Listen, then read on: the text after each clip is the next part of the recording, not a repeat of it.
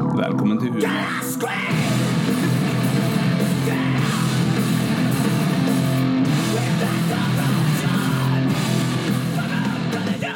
Yeah! Välkommen till Umeå, som sagt. Ja.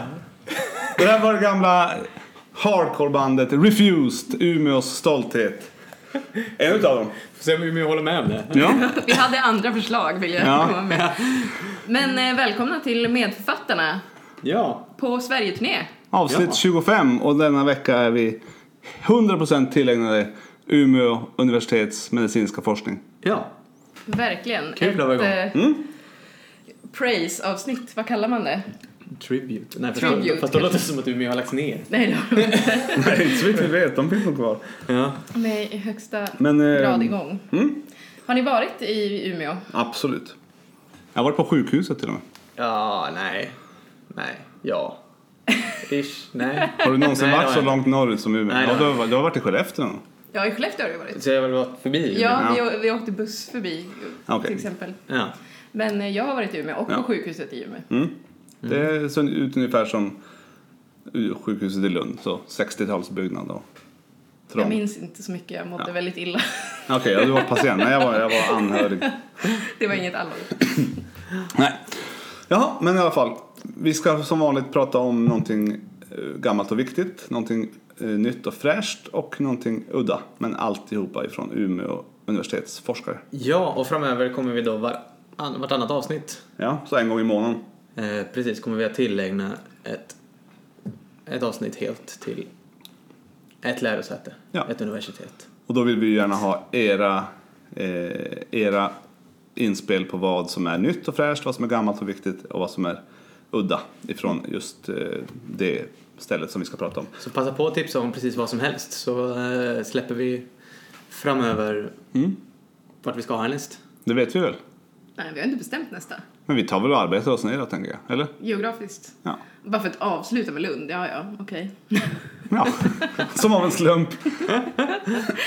Men- Ja, vi får se. Ja. Mm. Men eller? Umeå var ju först med att likea oss på Insta. Precis. Från Så, deras okej, näst, universitetskonto. nästa universitet som likar oss blir eh, nästa, alltså om, t- om fyra veckor då. Ja. Så kör vi. Bra. Ja. Bra. Ja, Men Bestämt. tipsa, om- tipsa om alla. Det finns ju Uppsala, Örebro, Linköping, Göteborg, Lund, KI också KE. Just det. och Umeå.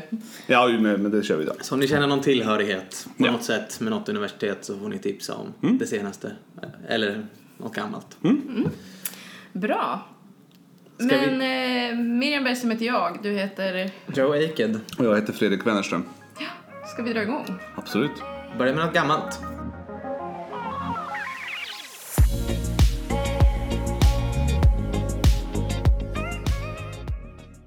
Okej, så jag, jag drar igång här då. Umeå-grejen. Det känns lite stort att få börja, att få, att få prata om bara ett ställe och, och bara om något svenskt. Så jag tänkte eh, prata om något gammalt och viktigt. Och det är ju inte jättegammalt, men det är jätteviktigt. Vi slår ju lite två flugor i en smäll här har jag förstått. För det här är ju någonting som vi utlovade i våran helgspecial kanske att vi skulle prata mer om. Just det här området ja. Och då gäller det för eh, trogna lyssnare så vet ju de att det handlar om, om eh, CRISPR-Cas9, den eh, så kallade gensaxen som är rätt så het i, i Allmänhet. Ja, Ja. både i vanlig, vanlig media och i, i medicinsk litteratur. Vad vet ni om, om den? Om CRISPR? Ni har hört talas om den såklart, men vad vet ni, vet ni något mer om den? På något sätt att man har ju använt bakteriens immunförsvar för att klippa ut saker. Typ. S- Ja, något Och det finns väl godkända användningsområden, höll jag på att säga. Finns det det? För, eller Eh, någon använde det, fast det var olovligt. det var ju någon som använde det i Kina nyligen för att göra någonting på, på embryon och det var väl inte så... Och folk köper hem kit Ja, Okej, och ja, använder det- det själva på Youtube. Men, eh, Ja. men det är Okej. väl framförallt för att kunna klippa ut en eh, s- DNA-sträng man vill åt? eller? Precis. Mm. Så det kommer vi till. Eh, hela grejen är från början, precis som du sa Miriam, en, eh, ett molekylärt maskineri som, man, eh, som naturligt finns i vår lilla vän Streptococcus pyogenes, a.k.a. grupp A-streptokocker. Gamla gasen. Mm. A- A.k.a. gasen. Eh, så gasen, som eh, alla har hört talas om, är då våran mest sjukdomsbringande streptokock. Man kan få tonsillit och man kan få eh, scharlakansfeber. Och man kan få eh, erysipelas och im, som svin, eh, svinkoppor, alltså impetigo. Men man kan också få sån barnsängsfeber och eh, sepsis. Och rätt så man kan bli, det är en dödlig, absolut en dödlig bakterie om man har otur. Mm. och... ehm, Det där, gasbrand, är det piogenes? Nej. nej, det Vilken är det då? det är eh, Klosterin på Fringens va? perfringens. Ah, okej, bra. Men Då har de vi här sorterat ut det. Ah. köttätande bakterierna som man Ja. läser om ibland eh, tror jag det här kan, eh, kan vara grupp A streptokocker ibland. Ja, för jag har hört om någon som nekrotiserar och Mm. skiter. En gas, gasbrand är den här som... Det, det är också... Det är bara för att det jag tänker gas, alltså Ja, nej. grupp A-streptokock. Nej men det är, en annan det är grej. Klosterin på Mm, Fringens tror det, jag. det är jag rätt säker på att det är. Men, men eh, den här är lite så köttätande fast det är ju, den är ju inte det. Men det, den smälter kanske vävnad. Blä. Den har ganska mycket toxiner så att det är väl det den, de som gör det säkert. Eh, så eh, 2009 så arbetade en fransk gästprofessor, eller en fransk forskare som var gästprofessor då i Umeå, eh, som hette Emmanuel Charpentier. Och hon och hennes grupp vid något som heter Molecular Infection Medicine Sweden vid Umeå universitet, de upptäckte att den här lilla streptokocken, pyogenes eller gas, utnyttjade ett enzym i sitt försvar mot virusangrepp. Eh, och då, tyck, då kallar de det, det enzymet för CAS9. Så, alltså Kaspas. Nej, Nej. Eh, CAS står för eh, CRISPR Associated Jaha. 9. Det var något helt annat. Så eh, CRISPR snedstreck Cas9 heter själva systemet eller liksom maskineriet. Och CRISPR är en förkortning. CRISPR står för Clustered Regularly Interspaced Short Palindromic Repeats. Så det är någon sorts array eller på svenska samling kanske eh, av korta DNA-sekvenser som den här bakterien har samlat på sig genom åren. Eh, Eller hur länge den har- har levt. Eh, kanske den, Århundradena. kan- kanske den, dens mamma och pappa och så vidare Bakterieåren. har, har samlat på sig och skickat vidare. Och man kan väl tänka sig som att det är någon sorts skalper ifrån virus som den har mött, stött på förut, som den har blivit angripen av. Så sparar den en liten bit eh, ifrån varje sån angripare och lägger den i sin lilla, i sin lilla samling som kallas för en CRISPR. Och bara palindrom de ska vara. Ja, Det ingår ju i... Palindrom är ju något som blir Ja. samma sak framifrån och bakifrån. Eh, och alltså, när jag läser de här grejerna så känns det som det gjorde när, ni bör- när vi alla började läsa cellbiologi när man gick i termin 1. Och man fattar, man fattar ingenting och man tänker nu, nu får, nu, ja, det blir, jag blir ju ingen läkare. Det var ju Nu uppenbart. lägger vi ner. nu får vi lägga ner. Så kände jag när jag läste om det här. Eh, så det, det blev ju... Det Man ble- kommer aldrig över den känslan så alltså. jag, har vi någon Lundaforskare som sitter och lyssnar på det här som kan någonting om CRISPR-Cas så kan ni nog slä- stänga av nu för ni kommer nog inte att lära er något nytt. Men för alla andra som inte vet mer än att ni har hört talas om det, ni kommer att lära er något nytt. Men i alla fall, jag, jag vet inte vad, vad Nej. palindromet är men det är åtminstone palindrom, återupprepande hela tiden och däremellan så är det eh, DNA-sekvenser. Och det, som, jag, som jag fattade så är det de DNA-sekvenserna som är liksom genspec- eh, virusspecifika eller liksom angreppsspecifika. Mhm. Som de är bara liksom omhuldade av de här. Ja, ja, så, så, så fattar jag Ja, det. interspaced stod det ju också. Ja. Ja. Så clustered, regularly interspaced, short palindromic repeats. Ja. Ja. Oj, oj. Ehm, och Ka- det var den första delen i det här systemet. Den andra delen då, Cas9. Det är då gissningsvis det nion- nionde CRISPR-associerade enzymet, eller Mm. proteinet. Och det är en endonukleas. Och eh, nu, eftersom vi har gått så långt ifrån cellbiologin, så vet man ju att ett endonukleas är ett enzym som har till uppgift att klyva polydesterbindningar i DNA-strängen. Det vet vi mycket väl. Det vet vi. Det är, jag säger på er att, att ni, Ja, ni, ja. nickar, ni nickar med igenkännande. Ja, Absolut. så det var ju inget nytt för någon. Att, men det är i alla fall en, eh, ett endonukleas, får jag läsa igen? Eh, endonukleas är alltså någon som, be- som, är en, som kan klippa polydesterbindningar. Klipp! I ett DNA. Mm. Klipp, klipp. Bra att ha. Det är bra. Eh, så när den här lilla gasen blir angripen eh, av en, ett virus så sätter sig väl viruset som det gör på olika ställen, sätter sig och så sprutar det in lite av sitt RNA eller DNA i eh, cellen. är en öre kanske. Och eh, då åker CAS 9, det finns väl mm, säkert massor med CAS 9 som flyter runt, åker ner till den här CRISPR-samlingen och så tar den en, en av de här sekvenserna och eh, tar upp den och så transkriberar den den till ett RNA. Som den, sätt- som den så att säga sätter fast i systemet. Så då har vi byggt ett system av Cas9 och en bit CRISPR.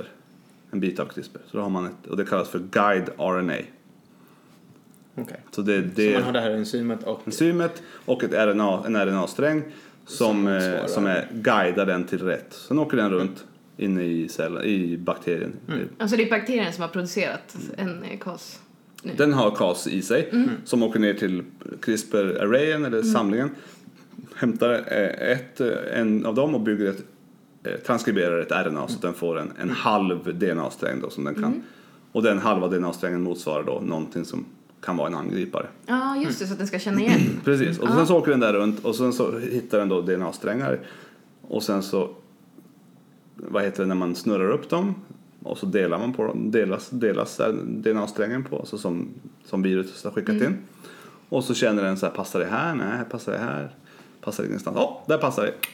Då, n- när den kan så att säga binda in i, eh, i den DNA-strängen som viruset har skickat in, då aktiveras CAS, de här klipparna. Så den har både ett igenkänningssystem för att känna igen viruset och liksom veta vart den ska och sen har den också klipparen som är Mm. KAS 9. Så Okej. Mm. CRISPR känner igen, Guide RNA känner igen och skickar signalen. Så det sitter ju fast i CASet. Mm. Så det, och det skickar då en signal till, till CAS 9 att här, känn, här fastnar jag. Då klipper CAS av den biten. Tjo! Så det då är ju har, så smart att de, liksom, eh, de bildas ju mot varandra. Så att Mm. ja, om man bara har en bit av viruset så kan man ju liksom lätt känna igen det också. Mm. och Ja. hur man skapar det där, det vet jag inte. Men den, det har den väl som uppenbarligen skapat en array genom åren. Så då klipper den av den här felande biten, eller den, den biten som den känner igen. Mm. Och då är ju den DNA-strängen kass. Liksom. Då Ja, just det. resten är ju bara, det ligger bara och flyter runt där inne, försvinner väl. Då funkar inte den längre. Nej, så eh, det man kom på då sen, när man upptäckte det här så kunde man ju komma på att men vänta, vi kan ju bara byta ut, vi kan bara lägga till mer, eller ta bort allting i den här CRISPR-samlingen och lägga dit nya saker. Så att den ska känna igen andra grejer. Mm. Typ Ja, man kan ju Klippa. känna, precis. Man kan lägga till sätta en vilket- ny du kan guide- sätta in, guide RNA på. Ja, men låt säga att man sätter in en, en gen som man vill, eh, ja men till exempel mutationer av hemoglobin. Hos, det finns ju någon eh, som talasemi, Mm. alfa-talasemi som gör att du måste, eh, har du en mamma och en pappa som har det så har du risken att fostret får det och måste ha intrauterina Blodtransfusion. blodtransfusioner, alltså inne i livmodern, annars kommer den inte ens att klara sig fram till partus. Så om man tänker sig att man skulle i- redan i, i embryostadiet gå in, eller kanske på ägg spermiestadiet, gå in och klippa bort den felande biten och med något annat enzym då ersätta den med den, en, den rätta eh, hemoglobin-genen så skulle man ju s- få en frisk, ur den synpunkten frisk eh, bebis. Ehm, så det är ganska kontroversiellt såklart att ens för, försöka sig på, men det är ju väldigt spännande. Lite mindre kro- kontroversiellt och det man gör i Umeå och säkert på många andra ställen är att man modifierar grödor. Och så länge man inte tillför någon DNA ny Mm. till, till grödan så är, anses den inte vara genmodifierad. Man tar Som bara jag bort fattar något det. som möjligt är Mm. skadligt. Ja, så, så fattar jag det. Att man, Livsmedelsverket har sagt att bara, om, man bara en, om man bara tar bort någonting så är det, är det okej. Men så länge man börjar man lägga till nya sekvenser då är det, då är det GMO. Mm. Mm. Och eh, så det finns ju liksom endless possibilities. Och det är tydligen ganska billigt. Jag vet faktiskt inga priser. Ja men det är så pass billigt att folk köper ju egna Okej. Det finns, jag såg någon dokumentär när det var någon som la upp på Youtube hela tiden att han Gjordes. satt och höll på med sitt eget CRISPR-kit och Men alltså, på något jag... sätt experimenterade på sig själv. Ja. Gud, vad- Det är ju... eh, Alltså möjligheterna blir ju... Det är ju bara fantasin som sätter Mm. gränser såklart. Men jag kan inte ens förstå hur man kan, hur man kan komma... p- Alltså jag förstår, det är så... Jag kommer på att Det är liksom, så det här kan långt man upp. använda och liksom ha tekniken för att ens kunna byta ut den här CRISPR-delen till någon annan man vill ha eller så här. Så jag känner man borde ju, man Mm. borde ju bli laboratorieforskare ett tag och bara testa det, vara med och greja Förstå med, något av det. Mm. greja, men jag vill försöka förstå lite mer. Det är ju sjukt coolt ju. Men har det inte också revolutionerat just det här att du mycket lättare kan isolera olika DNA-strippar och studera dem på något sätt? I och för sig så kanske du inte behöver det längre med de här eh, stora... Genomsekvensering, jag vet, jag vet, det vet jag inte. Men du kan ju tydligen nu ganska billigt och väldigt, en, väldigt en, ganska enkelt eh, klippa och ändra och lägga till. Och, jag tror inte att det är Ka- Ka- CRISPR-Cas som lägger till någonting. Nej. Utan den, den tar bort och sen så får man ha något annat enzym tror jag som, för att lägga till. Det låter ju rimligt. Ja, det låter, för att KAS klipper ju, den kan inte så att säga fu- fusera kanske. Mm. Men bara att klippa i en DNA-sträng hos ett virus eller hos, ett, hos en någonting, då, då, måste, då försöker ju den eh, organismen att bygga om det. Jag vet inte, ett virus är Ja, ju just dött, det. men, men eh, andra organismer försöker ju laga. Reparera direkt, Och det ja. Mm. blir ju, det är ju ganska error prone tror jag, när det försöker laga. Så att, då kanske det också, bara att klippa bort det, kanske gör att det man dödar den, den genen så att säga. Eller den DNA-strängen. Mm. Ja. Mm. Men har det... Har det, har det godkänts för användning i någonting? Eller Jag vet, det vet jag blandar inte. jag ihop det med någonting? Jag vet inte. Ja, alltså... Man har ju bara hört om hur det har tillämpats på massa olika grejer men nu kommer jag inte på ett enda exempel. Nej men eh, den här mannen, kinesiska forskaren som, Mm. som gjorde det här, gjorde... Jag kommer inte ens ihåg vad han tog bort. Var det thalasemi han tog Nej, det bort? var Mm. HIV. HIV var det. Hos några, något f- eh, foster, eller hos ett embryo. Som sen föddes va? Ja. Det blev ju otroligt kontroversiellt så han har ju lovat att han ska sluta. Det, Ja, det var ju helt utanför. För det finns väl ganska... Eller jag tror man i alla fall håller på att arbeta fram ganska mycket Regelverk. kring det här. Ja, det- Och ett stort no-no tror jag är ju just det som du nämnde innan med eh, att ändra på germline-celler. mm. Att eh, de, i alla fall de första användningarna borde vara på somatiska Mm. celler som inte kommer att föras vidare till nästa Nej, generation. precis. För så fort man börjar gå in och ändra i, Ja, du har ju ingen aning vad du gör. Liksom. i celler som är i, ehm, vad heter germline på svenska? Könsare. Ja, så fort du börjar gå in och ändra i könsceller så har du ju någonting som kommer att föras vidare Mm. generation efter generation. Ja, du bara att titta på, nu det är inte med DNA att göra riktigt, men när man sätter in harar i, eller rävar i Australien för att ta bort hararna och sen, liksom det bara, det går inte att förutse vad, var vi hamnar om vi börjar ändra i DNA. t. Nej, men samtidigt så det måste ju också ha ganska eh, alltså, bra implikationer för djurstudier också. Bara Mm. vad händer om man stänger av den här genen? då? Alltså, Man skulle kunna testa det med alla gener i hela... Mm. Genomet, det finns ju Ja. bara Precis, kan vi editera det här? Alltså, hundratusen, eller hur många kom vi fram till att det fanns? Gener. Ja. Ja, för vi har pratat om det Ja, det är här. bra. Tre miljarder baspar och var det eh, inte 20 000 gener? 20 000 gener, något sånt kan det vara. Något sånt. Ja. Möjligen. Ja men då är det, ju- det är ju värt att testa. Ja. Nej, men eh, det, är ju, det känns ju på något sätt som ett eh, potentiellt eh, paradigmskiftande Ja. eh, upptäckt.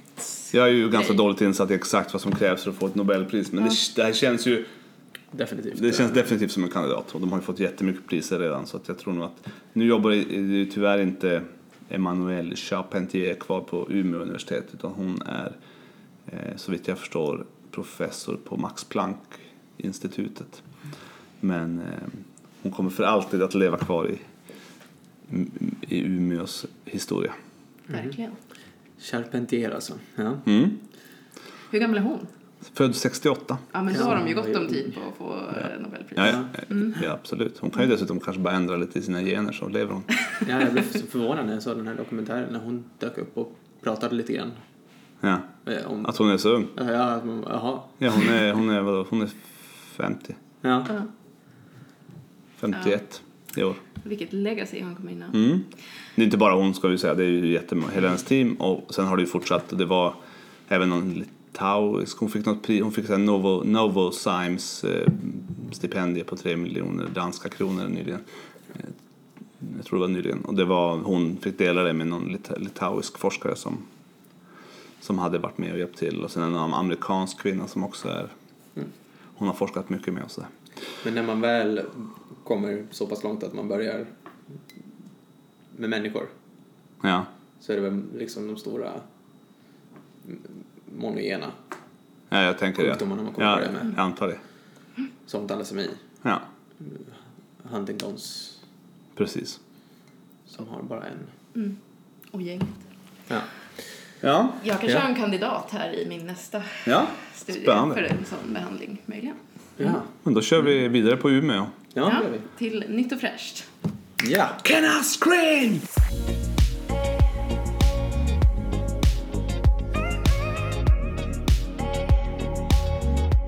Ja, och eh, jag har ju då screenat igenom eh, nya grejer från Umeå universitet och jag är lite tveksam till mitt val av två anledningar.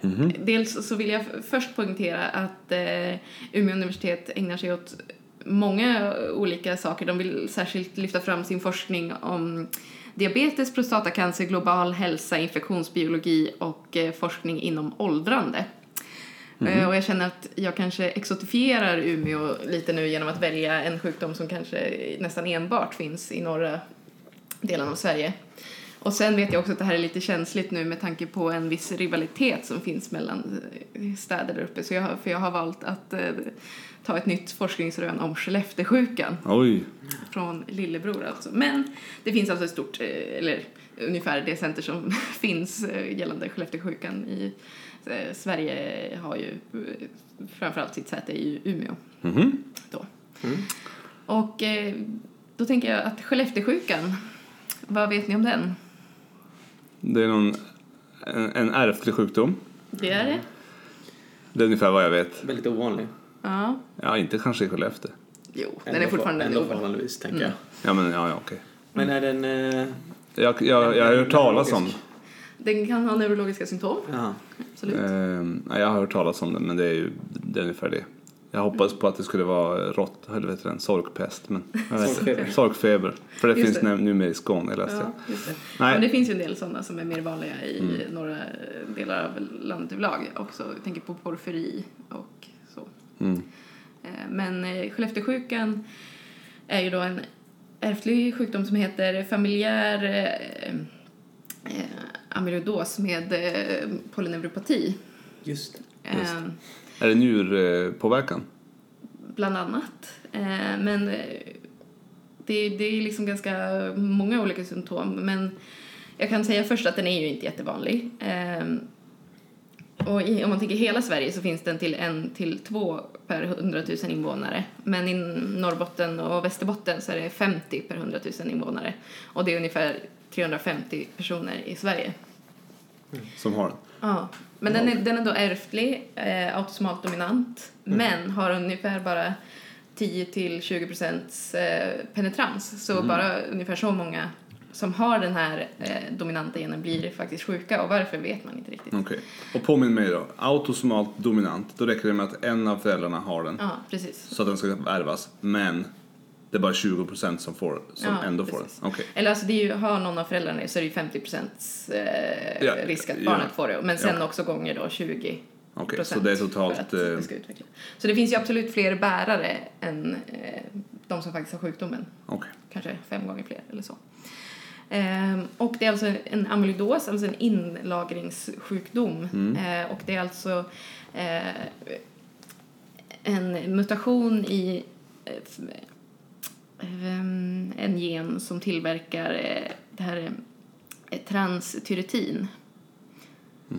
Och det är alltså ett bärarprotein som man kanske kan höra på namnet eh, bär bland annat eh, tyrodea-hormon. Okej. Men också vitamin A. Och eh, det finns en liksom vanligaste mutationen i- som 90 av dem i Sverige har som är så här, eh, val eh, f- 50 met, alltså en eh, eh, valin har bytts ut mot metionin. Och det fick jag höra på klinisk genetik, det kanske var anekdotiskt men de s- hävdar att eh, det här är- finns ju på lite olika delar i, i eh, världen och det är lite så här random att det finns i Brasilien, Japan, Portugal och alltså norra Sverige. Mhm. Samma sjuka? Eh, ja, nu, alltså liknande. Vet du om den på något sätt är lik Jag familjär tänker medelhavs- medelhavsfeber. Sitter jag precis och tänker på. Det är också en Det får man ju också amyloid... amyloidos av. Amyloidos. In, alltså så här Inte öst, läst någonting. östra Medelhavet, Turkiet, Israel. Men det är, Nej, det är inte det samma. är pyrin. Okej. Eh, Det är en annan, en annan mutation. Men det är också en Det är ju amyloidos. också amyloidos. Ja, okej, så men det- då får man ju den här, den Ja, här men det felen. här är ju tyr- transthyretin då som de har gjort och det finns lite olika mutationer som kan leda till samma sak. Men Får de man bara ont i så här- magen av Skellefteåsjukan? Det Och- kan man få. Och feber? Inte feber, Nej. som de har läst upp. Eller man kan få feber säkert. Men, eh, Det, I alla fall så finns det... eh, Vår klinisk genetikerföreläsare sa att man kunde härleda det här till typ en brasiliansk sjöman som eh, landsteg i Västerbotten någon gång på så här 1600-talet. Och alla som har det här egentligen är släkt med honom då. Coolt. Och sen har det ju såklart eh, f- förekommit eh, påspädningar av det här då. Att det också skulle bero på en eh, stark inavel i de här trakterna som gör Men vilket att det- legacy han har ändå. Brassan där som... Ja, Ja, men alltså, vadå, man behöver inte värdera, tycker jag. nej. Det är Så. Som positivt eller negativt. Ja, visst. det är bara, ja. Vi kommer ihåg honom i alla Ja, fall. 500 år senare. Och, men det här mutationen, alltså det- proteinet pro, eh, produceras i levern och sen om det är muterat så f- faller det isär och klumpar ihop sig i såna här amyloidfibriller. Mhm. och lagras in i eh, perifera nerver, hjärtmuskler, eh, även glaskroppen i ögat och eh, även i njurarna kan det ske. Eh, Det kan ske överallt, Mm. men det vanligaste är med symptom från, alltså det börjar med en polyneuropati med de besvären och i Sverige är det också vanligast att man då debuterar sent efter 50 års ålder, men det finns också tidigare. Okej, eh, där skiljer den sig prestationer. mot eh, familjär medelhavsfeber som då tvärtom kommer vid unga år. Typ före 20 tror jag. ja, precis. Varför blir De det flesta jämförelsesjukdom? Ja, men det För att just- de är väldigt det lika. också en Ärftlig sjukdom som ger amyloidas. Ja. Som ni kanske läste in er mer här på syrliga breddgrader då, medan jag läste Ja, in vi- mig på... vi- lite, lite närmare medelhavet. Typ. ja, det är vi verkligen. än Skellefteå. Det är typ lika långt till Skellefteå som till Medelhavet. Men eh, ja, den, gen- alltså från första presentation så- så är det, det är en dödlig sjukdom för genomsnittlig överlevnad är mellan 9 och 13 år från insjuknande då. Oj då. Och s- mm, snabbare förlopp om man insjuknar ung. Och eh, man delar väl in det i lite olika stadier och det är väl när det har nått hjärtat och man börjar få inlagningar i hjärtat Mm. som man börjar känna att nu, nu kommer det börja gå utför för då får man mycket arytmier och många får i- redan innan också så- hypertrofi av eh, hjärtat då, på grund av Mm. Det inlagning. finns ingen bot för detta. Eller ingen broms liksom. Det är ju det det finns. Men den bästa boten är att i tidigt skede levertransplantera. Det är ungefär Okej. Mm. det. Det är väl också en broms, men man försöker göra det så tidigt som möjligt. Och man försöker väl också följa kanske de där man vet att det finns mutationer i familjen såklart och erbjuda preimplan- preimplantatorisk diagnos- genetisk diagnostik finns det någonting som heter. Pre- Alltså före man eh, blir gravid. Ja, precis. Att man väljer ut embryon. Man befruktar embryon och Mm. så tar man de som inte... Man testar dem och så ser man att de Man- som inte är sjuka kör man vidare. Eller som inte har genen. Ja, smart. Så man behöver inte ens, man behöver inte ens CAS. Nej, just det. Nej, jag skojar. CRISPR-CAS. Men man kan då... Alltså, s- vanligaste symptomen är alltså att det börjar med domningar, stickningar, eh, värk från fötterna som Mm. är polyneuropati. Men man kan också s- ha symptom som eh, arytmier, eh, magbesvär, tarmbesvär, eh, proteinuri, eh, ofrivillig viktminskning. Och det man, som jag tänker med de flesta polyneuropatier så eh, börjar det ju kanske långt ner i fötterna men sen får man ju också en eh, eh, autonom neuropati. Eh, så ju längre det fortskrider så kan man ju också få ortostatism och blåsrubbning och liksom, ja, Men Har man Många ofta besvär. eh, redan diagnostiserat då eller? ja de flesta. Eh, Undrar, vad tror ni om en patient kommer till, eh, i Skåne kommer med polyneuropati, det är lite proteinuri och sådär. Det är inte säkert att man får diagnosen första gången. Nej, nej, ja, men det sen tror är jag det inte är ju säkert någonstans. som sagt 350 personer Ja. i hela Sverige som har det här. Nej okej, det Men- kanske inte är säkert ens i Skellefteå. Men det känns ju som att Mm. ch- chansen är större att man får det om man är i Skellefteå. Absolut. Eh, och, Eller nu. Men själva, nu är det själva chansen. amyloidosen är vi ju inte så kanske Nej. eh, att påvisa om man gör jag vet inte, neurografi, myografi och sånt där. Nej, precis. Ja, men man borde ju få ledtrådar i alla fall. Men man vill Mm. ju fånga det så tidigt som möjligt för att kunna erbjuda en levertransplantation. Då. Ja, För att då Mm. din lever bildar massa dåliga såna här eh, transthyretingrejer och så Då vill man få in en ny lever som bildar bra sådana. Du blir inte av med dina inlagringar du har men du kommer Nej, inte lagra Eh, okej. in några nya. Så egentligen så om du, om du vet att om du är 25 Mm. och vet att du har den, du har den här sjukdomen. Ja, då borde man ju kanske erbjudas. Jag vet inte hur det går Nej, till och hur många men då- levertransplantationer som görs på den här Men indikationen. det räcker alltså med att levertransplantera, då, då blir det ingen mer bildning av dåliga Det har liksom eh, Jaha. bra prognos i nuläget. Men om man, de man upptäcker för sent så har man ju då försökt hi- utveckla eh, bromsmediciner. Och det är det jag kommer att prata om nu. Mm, Eh, då. Att, eh, jag har läst på om egentligen två olika, men, men jag tar ett av dem här som heter eh, eh, Tafamidis. Och här ser jag då från eh, Umeås eh, eh, hemsida att eh, Kurt Boman, kardiolog vid Skellefteå lasarett men också professor vid Umeå universitet då, så att jag tänker att han har båda lojaliteterna där för att minska på fientligheterna. Eh, han har ju hållit i en eh, svensk del av en studie av eh, det här tafamidis som man då tidigare har kunnat visa att det bromsar i tidigt skede vid eh, polyneuropati. Men nu har man då gjort en ny studie för att se på de som har utvecklat hjärtengagemang och se om det även har någon nytta där i liksom ett senare skede. För tidigare har man bara satt in det på och visat på tidigare eh, eh, fall. Och det är ju såklart, man börjar med det minst komplicerade när Mm. Ja. man vill testa ett nytt läkemedel.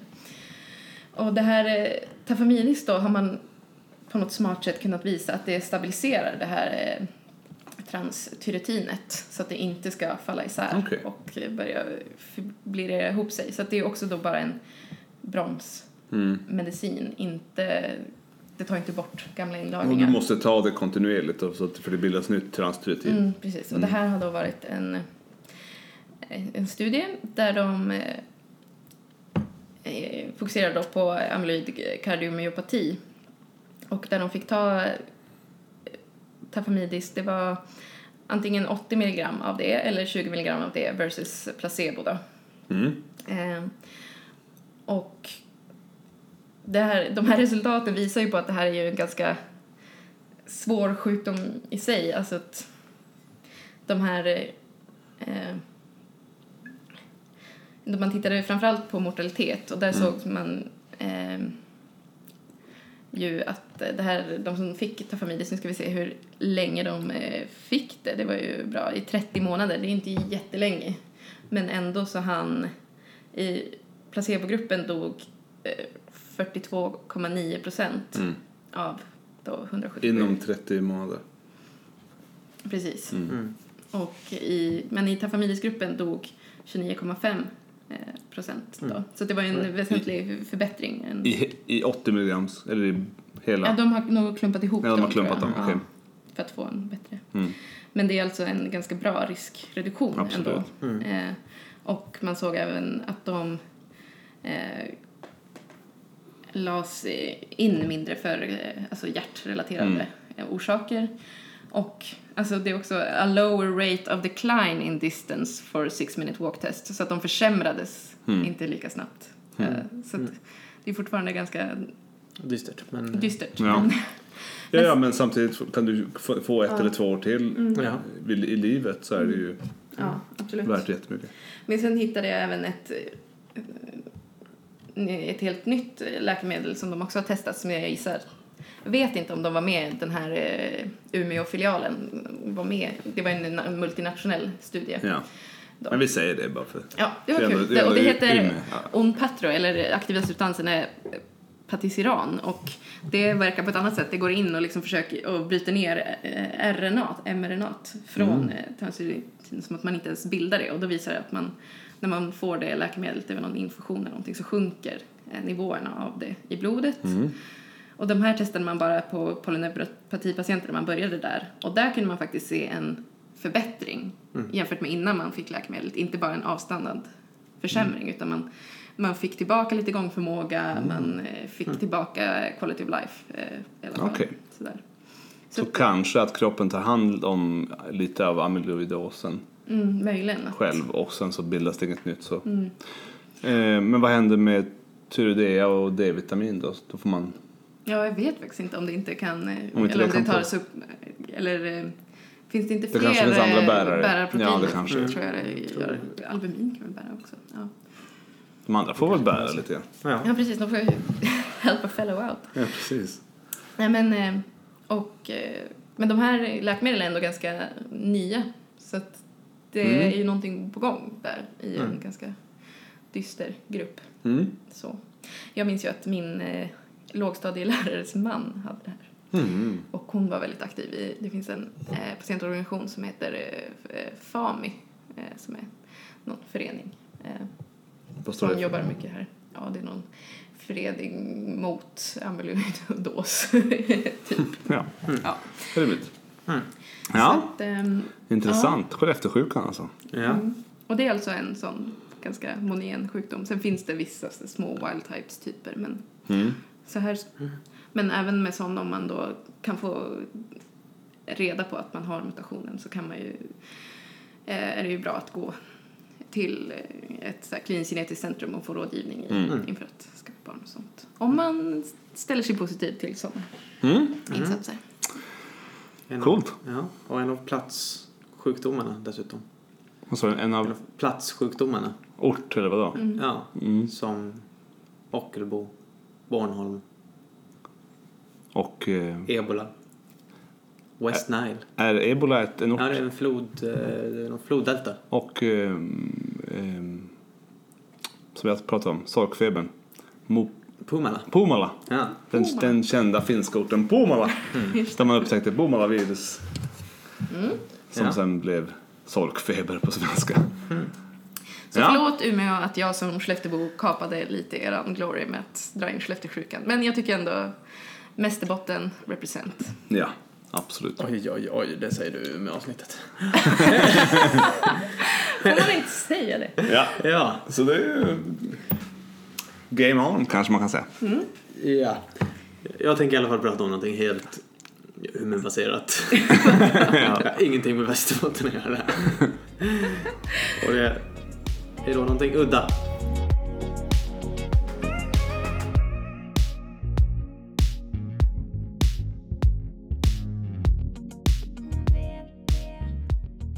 Okej, jag får revidera här,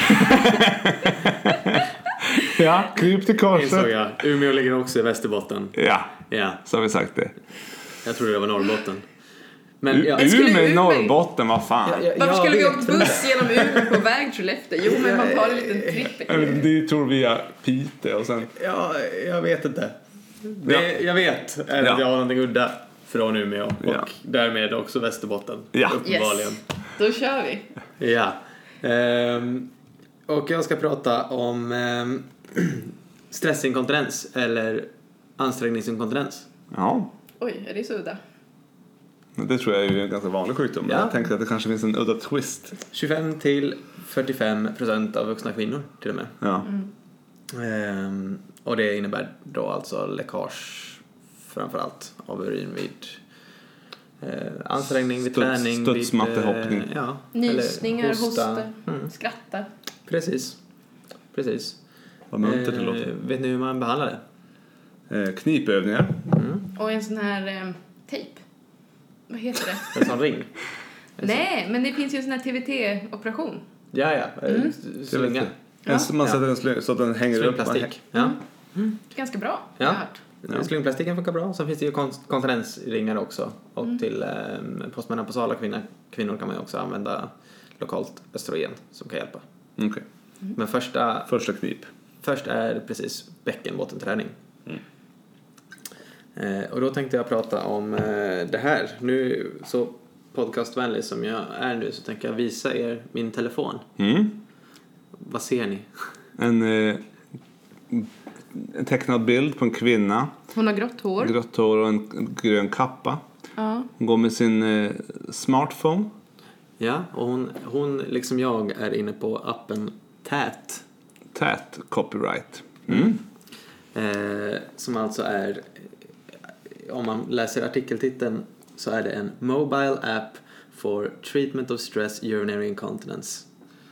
Och då har man via Umeå universitet, ehm, eh, Asklund et al. i Eva Samuelssons grupp gjort en eh, randomiserad kontrollerad studie av eh, om det funkar med eh, en mobilapp som eh, hjälper till vid bäckenbottenträningen vid eh, ansträngningsinkompetens. Mhm, Mm. Som påminner om att nu är det dags att knipa eller vad? Ja, det är en, eh, precis. Ah, Ett träningsprogram via, i, i appform Smart. eh, som man annars då hanterar via eh, fysioterapeuter eh, eh, framförallt. Okej. Ja, Just det, för man kan ju få göra en sån bedömning alltså efter en förlossning. Om man har till exempel har fått en förlossningsskada så går man och gör en... Då är det fysioterapeuterna som kan bedöma det också om man har en bra bäckenbottensknipkontroll också. Mm. Okej. Och eh, samma grupp eh, här i Umeå har tidigare visat god effekt eh, av eh, ett sånt här program med internetbaserade träningsprogram. Men nu har man eh, gått vidare eh, och följt tekniken och även utvecklat en, en app. Mm. Och sen väljer man att vetenskapligt utvärdera den. Vad härligt! Kan Mm, det är inte något smart. fler företag Fler appar. även evidensbasera sin app? Ja, ja. Ja, och då eh, har de gjort en randomiserad kontrollerad studie då som jämför behandling med den här appen mot eh, ingen behandling. Eh, 2013-2014.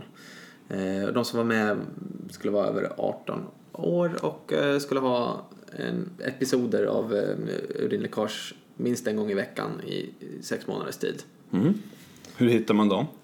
Eh, Det gjorde man eh, via eh, internet, en hemsida som, heter, som hette e-continence där man fick gå in och eh, registrera sig och fylla i eh, Okej. ett frågeformulär med eh, Så de tänkte folk som har problem söker på nätet och Mm. så hittar de den. Ja, okej.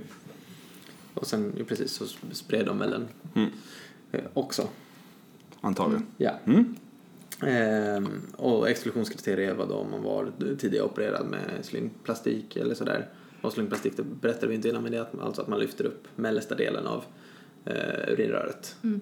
Ehm, Med en liten gummislang. en liten mesh. En litet nät. Ja. Mm. Eh, Så lyfter man upp mellersta delen av uretra. Eh, Jag tänker bara ett tips då, om man har gjort alla såna här knipövningar i hundratals år och ändå inte gått bra så ska man alltså inte, då kan man eh, liksom erbjudas ytterligare hjälp. Det är tydligen inte självklart för alla. Prata, prata med sin vårdcentral bara. Mm.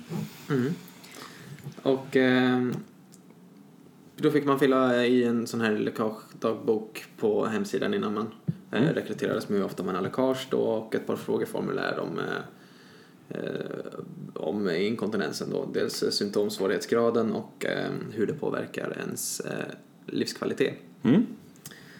Ehm, och interventionen då som hälften av gruppen fick var appen Tät. Mm. Eh, Den fick de i sina telefoner. Eh, Och 123 kvinnor var med i den här studien, mellan 27 och 72 år gamla, eh, i medel 44 år gamla. Eh, Med mestadels eh, måttlig och svår eh, stressinkontinens som var värderat vid den här, med den här symptomsvårighetsskattningsskalan. Ehm, och eh, precis, det var 63% med måttlig och 34% med svår, så det var en väldigt liten del som hade. Men har du mer besvär är du ju Lindrig. kanske mer benägen Benägen att att- ja, absolut. Mm. leta reda på information och vad vill jag vara med Absolut. Men eh, då är det ju en, kli- också en kliniskt relevant grupp. Det var, inte som, det var eh, så att säga, inte bara lindriga utan nästan tvärtom att det nästan inte var några som hade lindrig Nej. stressinkontinens utan det var.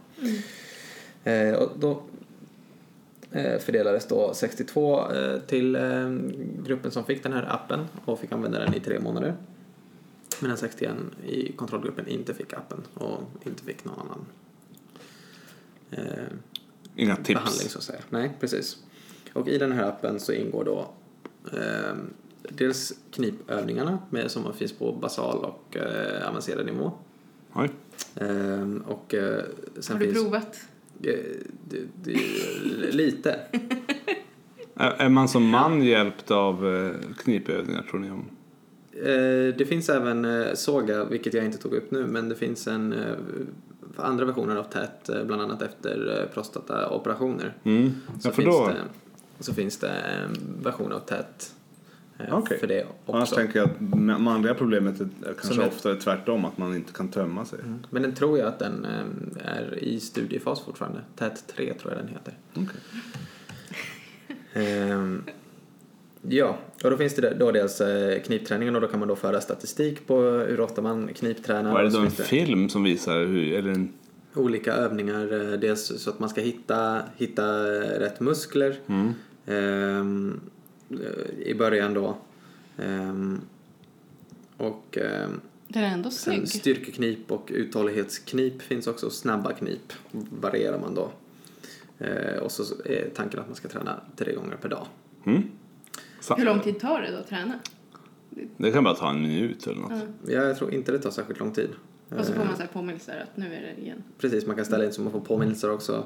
Eh, och så finns det då en del em, eh, information såklart i appen också om eh, bäckenbotten och eh, vad poängen med träningen är och eh, livsstilsråd. Eh, vad gäller då eh, ja, till exempel rökning och eh, em, övervikt som också kan på, eh, påverka eh, inkontinensen. Kan rökning påverka? Eh, Inkontinens. Mm. Det är vanligare hos rökare än icke-rökare. Ehm, Så man rekommenderar väl att sluta med det även av den, Ja, det är bra. Mm. den anledningen så att säga. Eh, ja, så 62 av de här kvinnorna fick, fick appen eh, och följdes upp eh, efter eh, i, i snitt 101 dagar.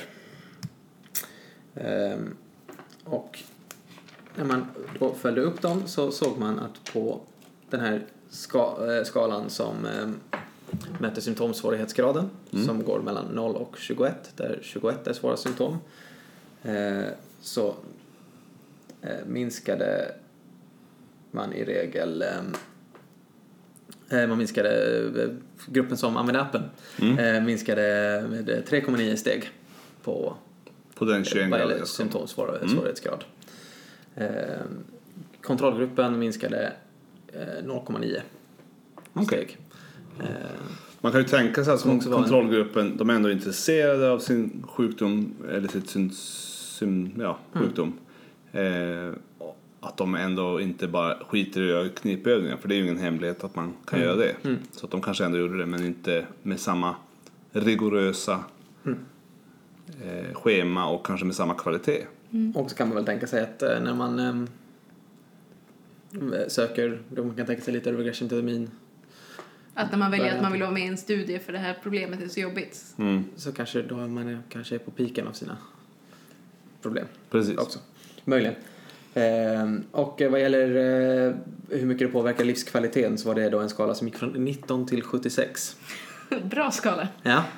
Eh, och då sjönk man i regel eh, 4,8 eh, i appgruppen. Eh, men ingen, ingen signifikant minskning i eh, kontrollgruppen. Vad var det för skala? Det här- den Det var eh, hur eh, det påverkar ens livskvalitet. mm. Från 19 till 76. 76. Ja. Ja. Det var 19 frågor så jag antar att eh, ett poäng på varje fråga var eh, startläget så att säga. Mm. Ja, okej.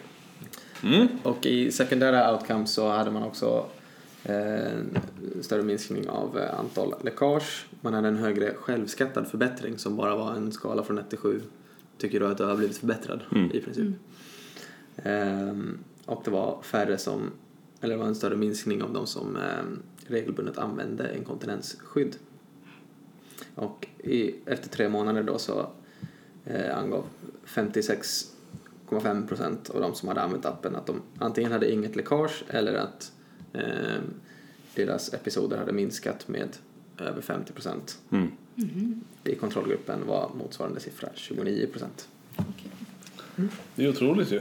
Ja, så det, det verkade ju funka bra. Mm. Som, eh, de som använder det använder det i medel eh, 1,6 träningar per dag. Så man det följde inte fullt helt. upp eh, De- tre gånger per dag. Nej, okej. De kunde... De, kunde s- de, Mm. De som skri- använde De förde, statistiken. de förde Dagobah. Ja, så man kunde ju välja att använda statistiken Ja. eller inte. Men bland de som använder statistiken. 1,6. Ja. Mm. Så bara hälften ändå. Och då är det Kommer man- de fortsätta logga nu så att de kommer se om du har använt dem eller inte? Ja, de, eh, precis. Det, jag, jag har ju registrerat mig här, men jag var noga med att s- s- fylla i eh, jag är bara nyfiken på appen och inte... Ja, okej. Annars hade du sabbat deras Ja, mätapar. precis. det, har varit Men Det är bra läskigt. att man kan ändå använda appen nu och Mm, ja. Mm. de kan ex- exkludera det direkt. eh, Det här är, låter ju... Det är ju billigt. Mm. Alltså appen kostar ju snart ett till verk kanske. Mm, de har eh, vidare studier sen på kostnadseffektiviteten av det, men den har jag inte läst. Men fatta eh, vad du sparar på att inte behöva gå till sjukgymnast. Du behöver inte gå, till, gå från jobbet. Mm. Sjukgymnasten behöver inte... Mm. Sen Ja, är det ju det- inte jämfört med att ha en sjukgymnast på Nej, jag plats i tänkte denna det. studien. Att, att, så här, att eh, Nej, jämföra nej. med att jag tänker i och för sig att man känner sig ju mer dagligen sedd av sin app. Ja.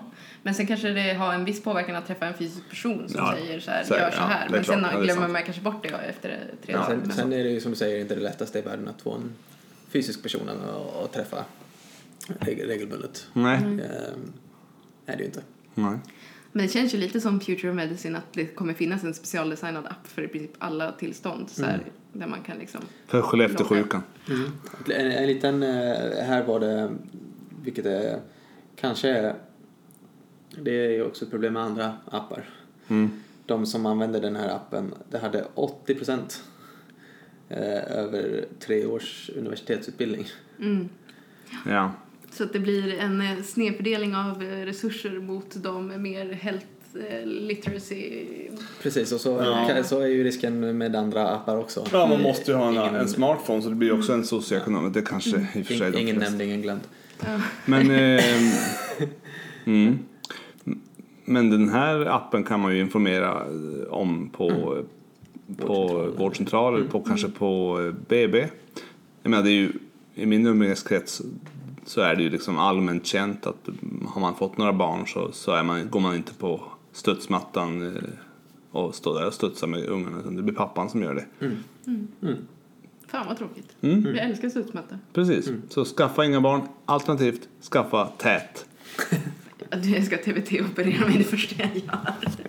Ja, man gör det i, så att säga, i förebyggande syfte. Bara hänga upp uretran. Så. Eller så kanske jag ska börja skaffa appen nu och så här, ha riktigt så här rippade bäckenbottenmuskler. Jag tänker, ja, fast då kanske du får Ja, problem då när du kanske ska, de när är du i ska vägen, föda. men när Liksom, de då ska bara, ut. det säger Jag de vet inte inte. ens Ja, om men jag jag- kan få barn så jag ska inte eh, sä- dra något i Nej, i nej, förväg. ska vi inte- nej, men eh, det snackas ju om på KK att Mm. eh, ja, men, patienter är så, ja, men jag är ryttare. Så att, då ryttare har tydligen då stark, bäckenbotten. Mm. Ehm, sägs det då, eller säger, säger ryttarna. Att, det- att det- de är, jag är ryttare därför så är det, är det svårt att föda barn. Jag vet inte om det stämmer. Mm. Ja, Det känns väldigt anekdotiskt. Ja. Ja. Eller tillräckligt, ej tillräckligt undersökt. Nej, det kanske det inte är. Jag har bara hört det någon gång på KK. Mm. Anekdotiskt behöver inte vara fel. Vi ska, Men ta, det är vi ska ta upp i ju- nästa avsnitt. Men Vad sa du? Det är nästan, vad var det, 45 procent av kvinnor? Eller så jag tänker också... 20, 25 till 45 procent. Ja, Mm. men jag tänker också i vilken population, om du tänker efter barnafödande år så måste Mm, ju prevalensen vara... Vanligast i medelåldern. Ja. Och det, det, den Var här ganska gruppen som hade anmält sig här på econtinence.se tror jag det var. Var ju i medel 44. Visste, visste du något om deras, eh, om de hade barn?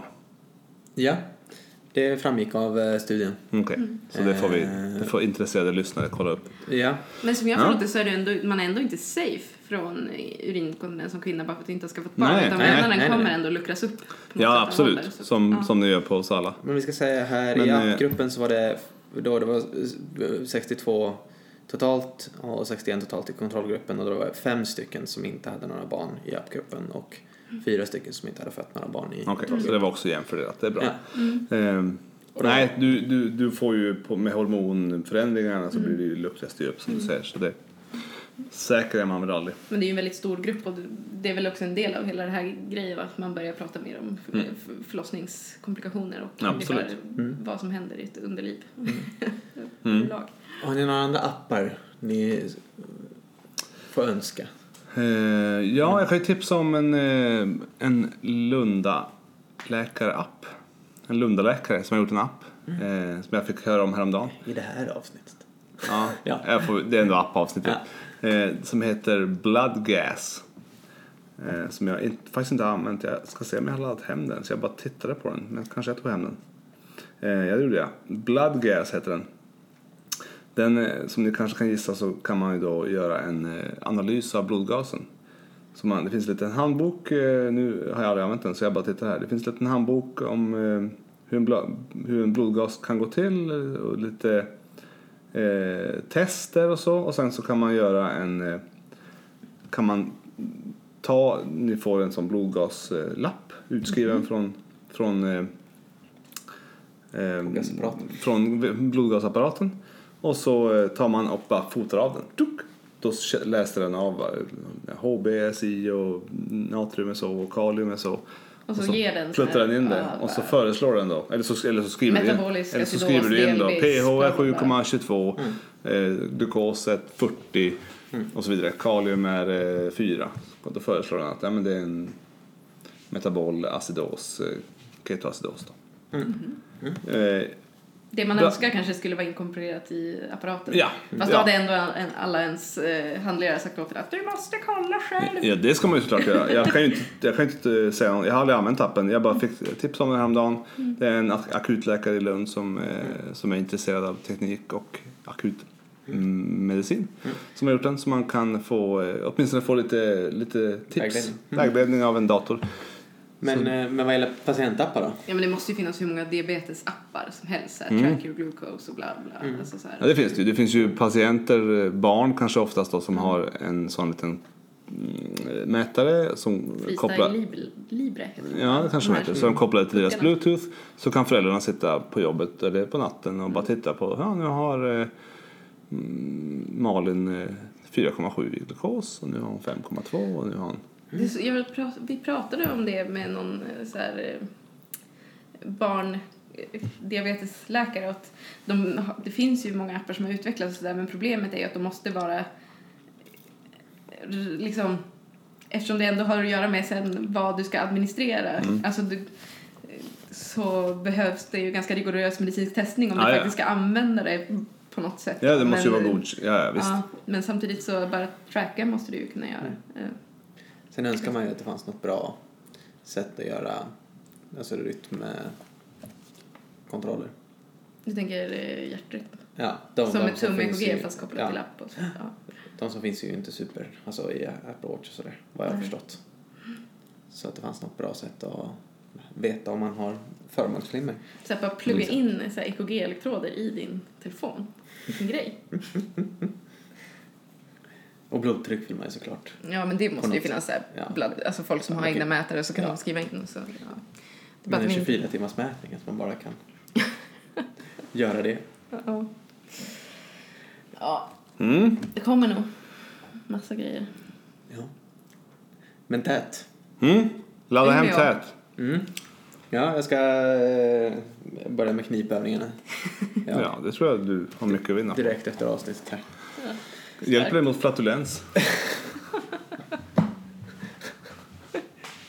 Och och ofrivillig flat- flatulens. Jag tror flatulens är väl alltid ofrivillig. Nej, kanske inte i Joes fall. Ja, Tack. Eh, det var allt för veckans... medförfattarna Ja, och, och- Första i, vårt första i Sverige-turnén. Precis. Yes. Första anhalten i Sverige-turnén är Men över. inte sista. Nej, hoppas ingen Umeå-lyssnare är otroligt besviken över att vi Nej, inte sa, tog upp saknar någon. ni något så skäll på oss i sociala medier Ja. eh, nu. Eh, och eh, vad har ni, är ni från något annat lärosäte så se till att vi inte missar något i just ert avsnitt. Precis. Och tipsa oss nu också. Ja. Och eh, vi kan ju säga att efter de här sju tillfällena så kan ju vi, om det är så att vi får nu massor med bra tips så kanske vi får köra ett best of, alltså någon sorts svensk topplista. Battle. På, eh, på om, om det är så att det dyker upp nu något nytt Umeå-grej som eller något udda eller något. Och då fysiskt på plats. Ja, Just det, när vi har fått ihop respengar. precis. Ja. Ja men eh, tack för idag. Vi eh, hörs igen om två veckor Yes. med ett vanligt avsnitt. Hej då. Hej då! Tja!